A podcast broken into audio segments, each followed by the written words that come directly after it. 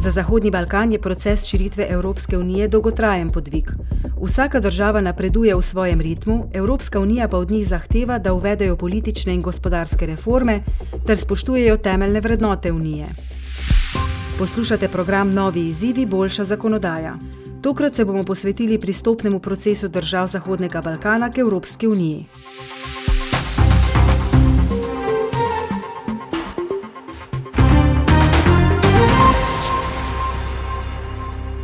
Albanija, Bosna in Hercegovina, Kosovo, Republika Severna Makedonija, Črna Gora in Srbija. Zahodni Balkan je že leta v središču projekta širitve, ki ga je predlagala Evropska komisija. Od začetka veljavnosti Lizbonske pogodbe leta 2009 so pogajanja s temi državami na dnevnem redu vrhunskih srečanj Evropskega sveta, pričakovanja v šestih državah, ki se želijo pridružiti Evropski uniji, pa so velika. Vse države niso v enaki fazi pogajanj.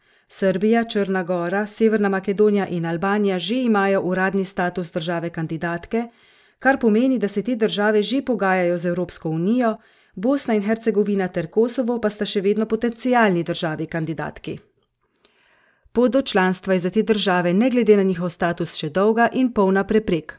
Evropska unija od držav Zahodnega Balkana namreč zahteva, da reformirajo javno upravo, pa tudi da ukrepijo demokratične vrednote, kot so načelo pravne države, sodstvo, temeljne pravice državljanov ter boj proti kriminalu in korupciji. Državi, ki sta trenutno najbližje članstvu, sta Črna Gora in Srbija, čeprav slednjo bremenijo napetosti s Kosovom.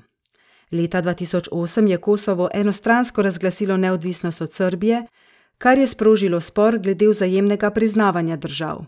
Leta 2020 je bil s pomočjo medijacije Evropske unije med državama ponovno vzpostavljen dialog, čeprav ne brez stren.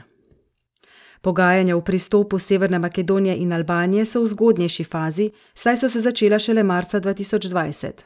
Bosna in Hercegovina ter Kosovo pa sta še vedno potencijalni državi kandidatki. Sarajevo in Priština morata namreč pred začetkom pogajanj z Evropsko unijo izpolniti nekatere osnovne zahteve za pristop k uniji.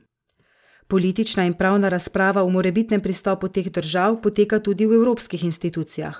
Vprašanje, ki se zastavlja, je naslednje: Ali bi bilo treba ob naslednji širitvi spremeniti ustavne pogodbe, da bi zagotovili nemoteno vodenje Evropske unije? Dve možnosti, ki se najpogosteje pojavljata, sta prehod z odločanja v svetu Evropske unije s soglasjem na odločanje s kvalificirano večino in ukrepitev vloge Evropskega parlamenta. 6. maja 2020 je sredi pandemije koronavirusa prek videokonference potekalo vrhunsko srečanje med Evropsko unijo in državami Zahodnega Balkana. Sodelujoči so povdarili enotnost in solidarnost med 27 državami članicami in državami kandidatkami ter potrdili strateški pomen regije za Evropo. Evropska komisija je ob tej priložnosti šestim državam Zahodnega Balkana namenila dodatne 3,3 milijarde evrov da bi jim pomagala pri soočanju z izrednimi zdravstvenimi razmerami. Prav tako je treba povdariti, da je Evropska unija glavna trgovinska partnerica teh držav. Države Zahodnega Balkana od unije prek instrumenta za predpristopno pomoč prejemajo tudi sredstva za dolgoročno ukrevanje, za zeleni in digitalni prehod ter za gospodarsko sodelovanje v regiji. Vsi ti cilji so skladni z instrumentom Unije za okrevanje, imenovanim Next Generation EU, in Evropskim zelenim dogovorom.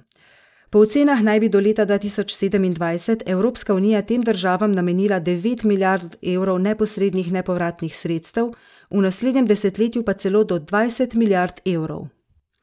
Albanija, Bosna in Hercegovina, Kosovo, Republika Severna Makedonija, Črna Gora in Srbija se bodo Evropski uniji pridružile vsaka ob svojem času.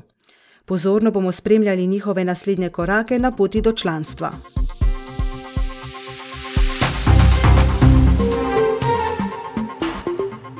To je bil prispevek Evropskega parlamenta. Več informacij najdete na našem spletnem mestu Think Tank.